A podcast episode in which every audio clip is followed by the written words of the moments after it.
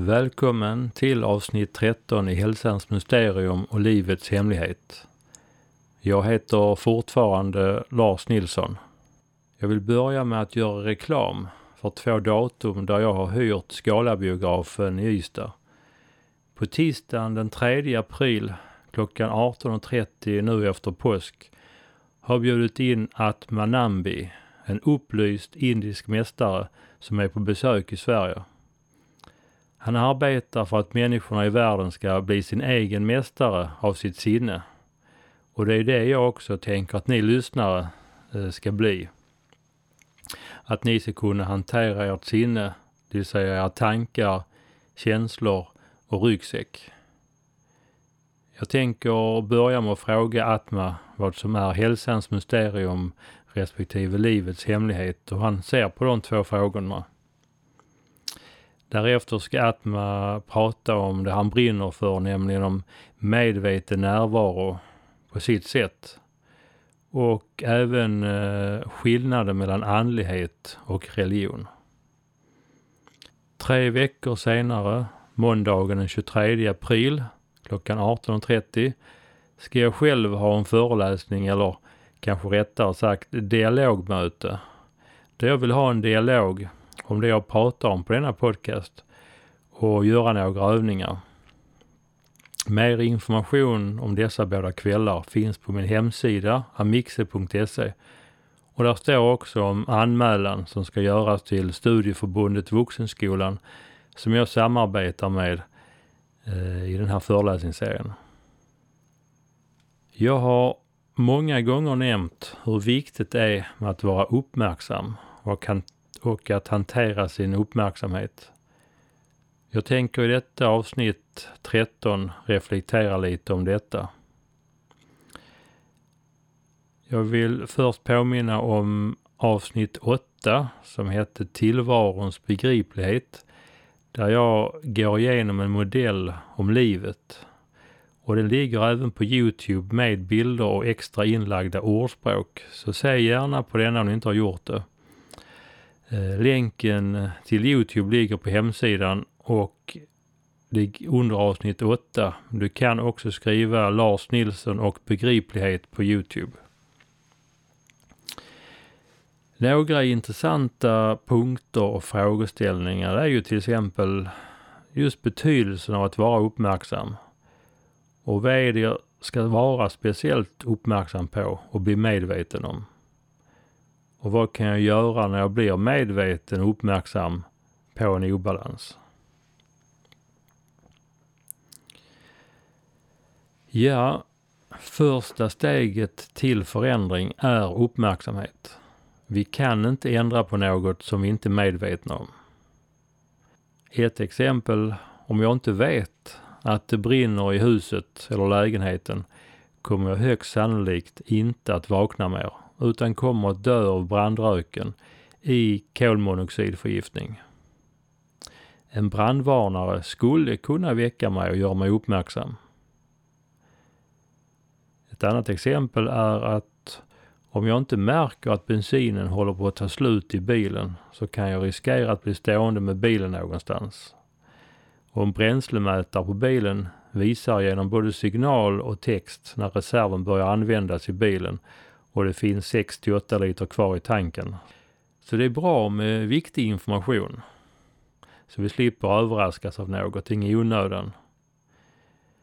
Eh, till exempel då att det brinner eller att bensinen håller på att ta slut.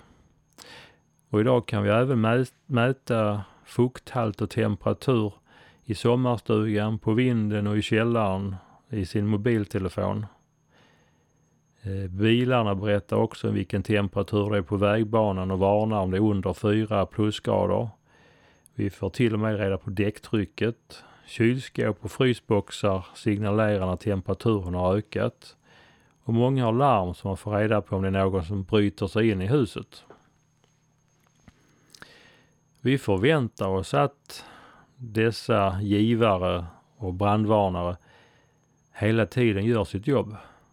Att den hela tiden kollar om det kommer någon rök och då varnar den. Vi skulle ju inte acceptera att en brandvarnare bara fungerar varannan timme eller varannan dag. Vi vill att våra temperaturmätare, fuktmätare, hastighetsmätare och så vidare fungerar hela tiden och är pålitliga.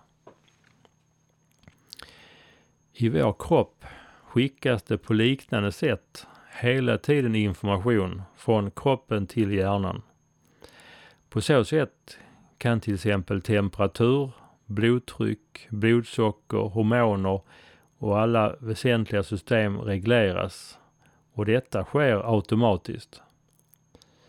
Men många system fungerar inte automatiskt. Vi måste agera när vi väl har fått informationen. Så att få feedback och bli medveten, det är bara första steget. Men ett avgörande steg naturligtvis, men det räcker inte. Därefter måste beslut fattas om ett lämpligt agerande. Det slutar till exempel inte att brinna bara för att brandlarmet utlöses. Ja, det kan ju vara kopplat till ett sprinklersystem förstås, men det har ju de flesta inte. Så när brandlarmet går, då gäller ju det klassiska rädda, larma, släck. Så när de olika givarna gör dig uppmärksam på att bensinen snart är slut, däcktrycket är lågt, fukthalten eh, är hög och frysskåpstemperaturen, så är det inget som åtgärdas av sig själv. Det är du som måste ordna så att bilen tankas, att det kommer luft i däcken och att fukthalten under vasken undersöks och att frysskåpsdörren stängs. Om man ignorerar signalerna så får det konsekvenser. Bilen kan bli stående någonstans med soppatorsk. Ett lågt däcktryck kan faktiskt i värsta fall leda till en krock på grund av förändrade köregenskaper på bilen. Och fukten kan ju vara ett, ett läckage som några månader senare, senare leder till en dyrbar reparationskostnad. Och en öppen frysdörr kan ju leda till att mat behöver kastas. Så olika signaler ger olika konsekvenser. Så vad ska jag göra när jag uppmärksammar en signal? Detta är ju oftast självklart, men jag vill vara lite övertydlig nu. Vi behöver alltså tanka, pumpa däcken och åtgärda fukten. Nu tänker jag använda samma resonemang till oss själva. Alla exemplen som jag nu har tagit upp, de handlar ju om signaler i vår omgivning, i vårt yttre. Det som jag nu ska prata om, det är signaler från kroppen och vårt inre. Jag ser det som att det finns idag många människor som har olika sorters ohälsa och onödigt låg livskvalitet just på grund av att man inte är uppmärksam och bryr sig om att åtgärda sina signaler från kroppen och inifrån. Det är dock flera steg inblandade här. Först gäller det alltså att lyssna till signalerna och att förstå vad signalerna innebär och hur den uppstår.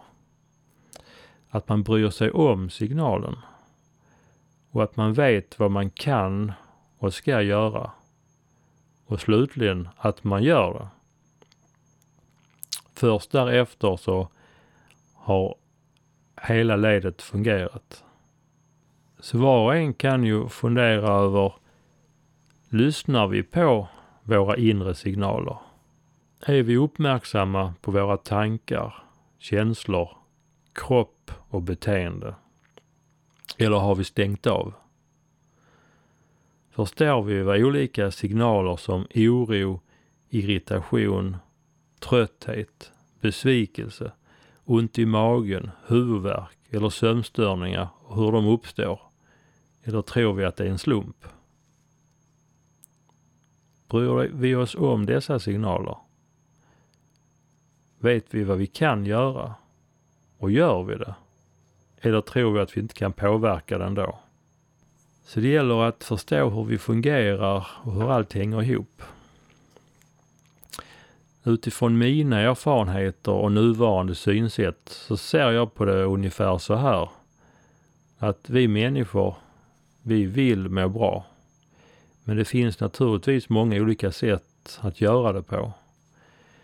Som jag pratat om tidigare så är det viktigt med inre lycka och inte vara beroende av den yttre lyckan. Det vill säga, min livskvalitet ska inte huvudsakligen bero på omständigheterna i det yttre, som pengar, utseende och status.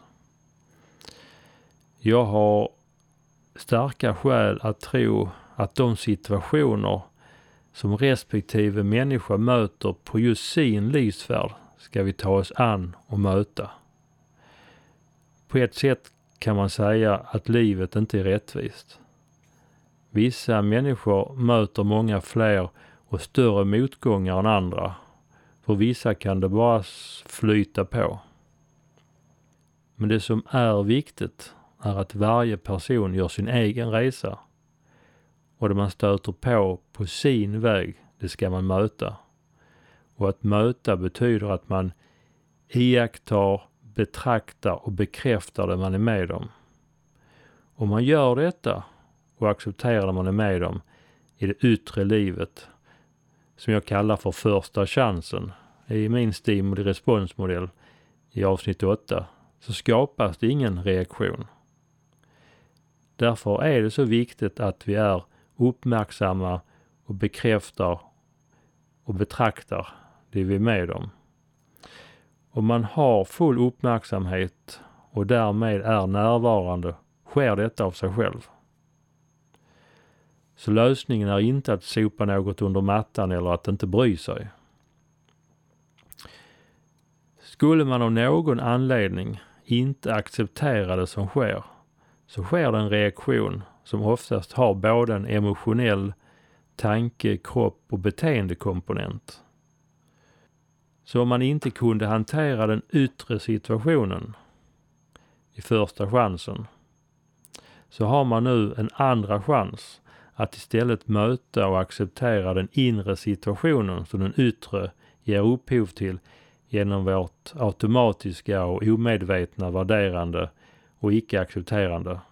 Om man nu istället möter och bekräftar reaktionen inom oss, som är vår andra chans, så kommer det att ske någonting som man skulle kunna kalla en transformation eller bearbetning, ja, eller vad det nu ska kallas. Annars blir det ett obearbetat känslominne som hamnar i vår ryggsäck eller i vår smärtkropp som Eckart Tolle kallar det. Alla våra obearbetade och icke accepterade händelser kommer att ansamlas i vår smärtkropp tills det sker någon form av upplösning, transformation senare. Och just denna transformation kommer jag tala mycket mer om i senare avsnitt. Men det handlar ju om att iaktta och bevittna. Men tills den löses upp så kommer den att finnas där och ta energi och trigga oss i olika situationer. Jag har stött på flera olika sätt att uttrycka detta som jag nyss har berättat om. Detta var ett sätt. Jag har också stött på några intressanta uttryck som handlar om detta.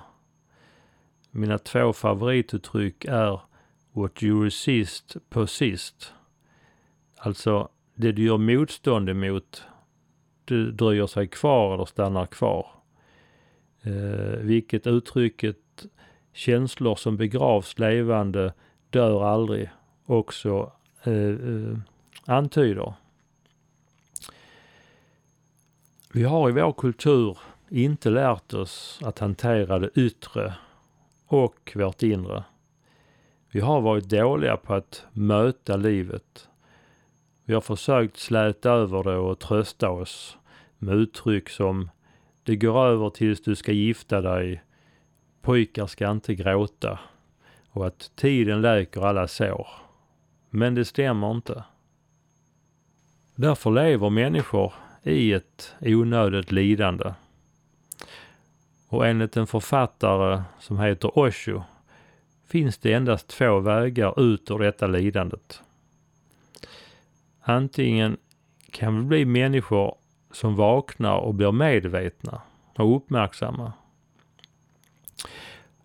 Och detta är en ansträngande metod och det kräver mod. Den enklare utvägen, och som de flesta väljer, det är att hitta något som gör dig ännu mera omedveten än du är, så att du inte kan känna olyckan. Som att hitta något berusningsmedel som gör dig okänslig. Eh, något smärtstillande som gör dig så omedveten att du kan fly in i denna omedvetenhet och glömma din ängslan, ångest och meningslöshet. Och det finns mycket man kan göra för att fly från att möta sig själv. Allt från det klassiska alkohol och droger till mat, spel och sex och inte minst att fly in i arbete och tv-tittande. Allt för att sysselsätta sitt sinne och ha uppmärksamheten på någonting annat. Om man inte är uppmärksam så betyder det att man är omedveten. Och om man är omedveten så går man på automatik. Man tänker och värderar automatiskt och omedvetet. Detta kallar en del författare för att man inte är vaken. Att man lever som en sömngångare. Man reagerar alltså automatiskt och omedvetet på det som sker i vår omgivning och är inte medveten om vad som händer i vår kropp. Om det nu är så att det är meningen att händelser och situationer som vi är med om ska iakttas, uppmärksammas och bekräftas, så är det inte märkligt att det som vi inte accepterar inte försvinner av sig själv ifrån ryggsäcken och att vi vill ha vår uppmärksamhet när vi till slut kopplar av. Och det blir inte heller konstigt varför många människor då har svårt att somna, oroa sig, kanske få värk och ont i magen. Det finns en berättelse om en lärjunge som gick till mästaren och sa Ge mig ett visdomsord. Säg något som kan vägleda mig genom livet. Det var mästarens tysta dag, så han visade upp en griffeltavla. Där stod medvetenhet. När lärjungen såg det så sa han Det är för luddigt. Kan du utveckla det lite? Så mästaren tog tillbaka griffeltavlan och skrev medvetenhet, medvetenhet, medvetenhet. Lärjungen sa, ja, men vad innebär det? Mästaren tog tillbaka griffeltavlan och skrev medvetenhet, medvetenhet, medvetenhet betyder medvetenhet. Så det handlar om att betrakta sig själv och att iaktta sig själv att uppmärksamma sig själv. Frågan är då vad jag ska börja vara uppmärksam på. Många menar på att vägen till att bli medveten och vakna börjar lämpligtvis med att iaktta och uppmärksamma sin kropp. Allt som händer i vår omgivning speglar sig i kroppen eftersom tankar, känslor fysiologi är så intimt sammankopplade som kommunicerande kärl så har det visat sig att just andningens rytmik och muskulatur påverkas momentant av känsloskiftningar i kroppen. Så genom att vara uppmärksam på vår mage och andning så får vi direkt återkoppling när vår, när vår sinnesstämning skiftar.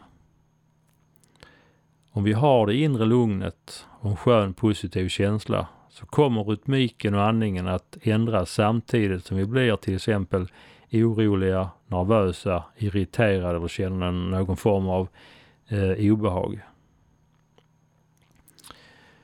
Så börja med att bli uppmärksam på din andning och mage under så stor del av dagen som möjligt.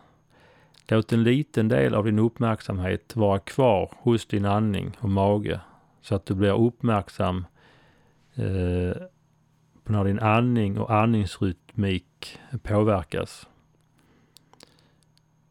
Och just när du uppmärksammar förändringen så tryck ut magen och sätt igång att andas lugnt och rytmiskt med magen igen. Precis som jag sagt under avsnittet om andning.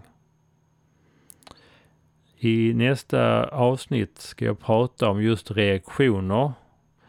Men ni kan fortsätta träna rytmisk stabiliserande andning och att vara andningsmedveten i vardagen. Så fort de börjar fundera mer om någonting och även om detta så går det oftast djupare än man har räknat med från början och man kanske känner till och vill erkänna. En modell för att försöka förklara detta komplexa och svåra Eh, är detta. Jag tror till exempel att alla människor har någon form av inre kärna. Vi kan kalla det för vårt sanna jag eller vårt inre väsen. När man talar om den inre rösten så är det härifrån den förmedlas. Den inre rösten kommer från vårt sanna jag. Och det blir ofta en konflikt mellan vårt ego och vårt inre jag. Och vårt ego är som jag ser det vårt, vår falska, vårt falska själv. Egot uppstår genom att vi tror att vi är alla de här tankarna som kommer i huvudet. Vi identifierar oss med intellektet. Men eftersom vi har en fri vilja, som jag ser det, så kan vi omedvetet och i ren okunskap sluta lyssna till den inre rösten. Vi slutar att bry oss om vad den inre rösten förmedlar. Vi kan stänga av. Och inom psykosyntes så har man ett begrepp som heter transparens. Och transparens står för hur mycket kommunikation det finns med det inre jaget. Det som egentligen är du, din kärna. En liten transparens betyder liten kommunikation. Och är den helt avstängd så kan man ju säga att då är man lost. Då är man, eh, lever man helt i egot. I periferin. Eh, så vi ska alltså ha en hög transparens. Om vi säger att du ska göra någonting eller ta ett beslut. Eh, till exempel att du ska köpa en bil. Du vill kanske egot att du ska köpa en fin bil så att din, du kan visa din omgivning att du har råd med en sån fin bil. För egot är det viktigt vad andra i omgivningen anser. Eh, och eh, det handlar mycket om status och materiella saker. Ditt inre kanske säger att det är onödigt med en dyr statusbil att du, eller att du borde välja någonting annat. Då blir det en inre konflikt. Genom att inte lyssna inåt eller ignorera det så väljer kanske man att tillfredsställa egot istället. Eh, som i förlängningen oftast kan få eh, konsekvenser. Jag har också hört att många tjuvar tar just droger innan de gör någonting för att döva sig. Och för att då minska transparensen, eh, döva sitt samvete. Och egot kan bara existera så länge som vi är omedvetna och identifierade med tankarna. Det vill säga tro att vi är våra tankar och skapar en falsk självbild genom detta. Genom att lära sig vara närvarande och avidentifiera oss med våra tankar så kommer vi att vakna, bli medvetna och slippa en massa onödigt lidande. När man blir uppmärksam kommer många saker att falla bort utan ansträngning. Och många saker kommer att landa på plats av sig själv. Så träna på att ge din fulla uppmärksamhet åt allt som händer och presenteras för dig i ditt liv.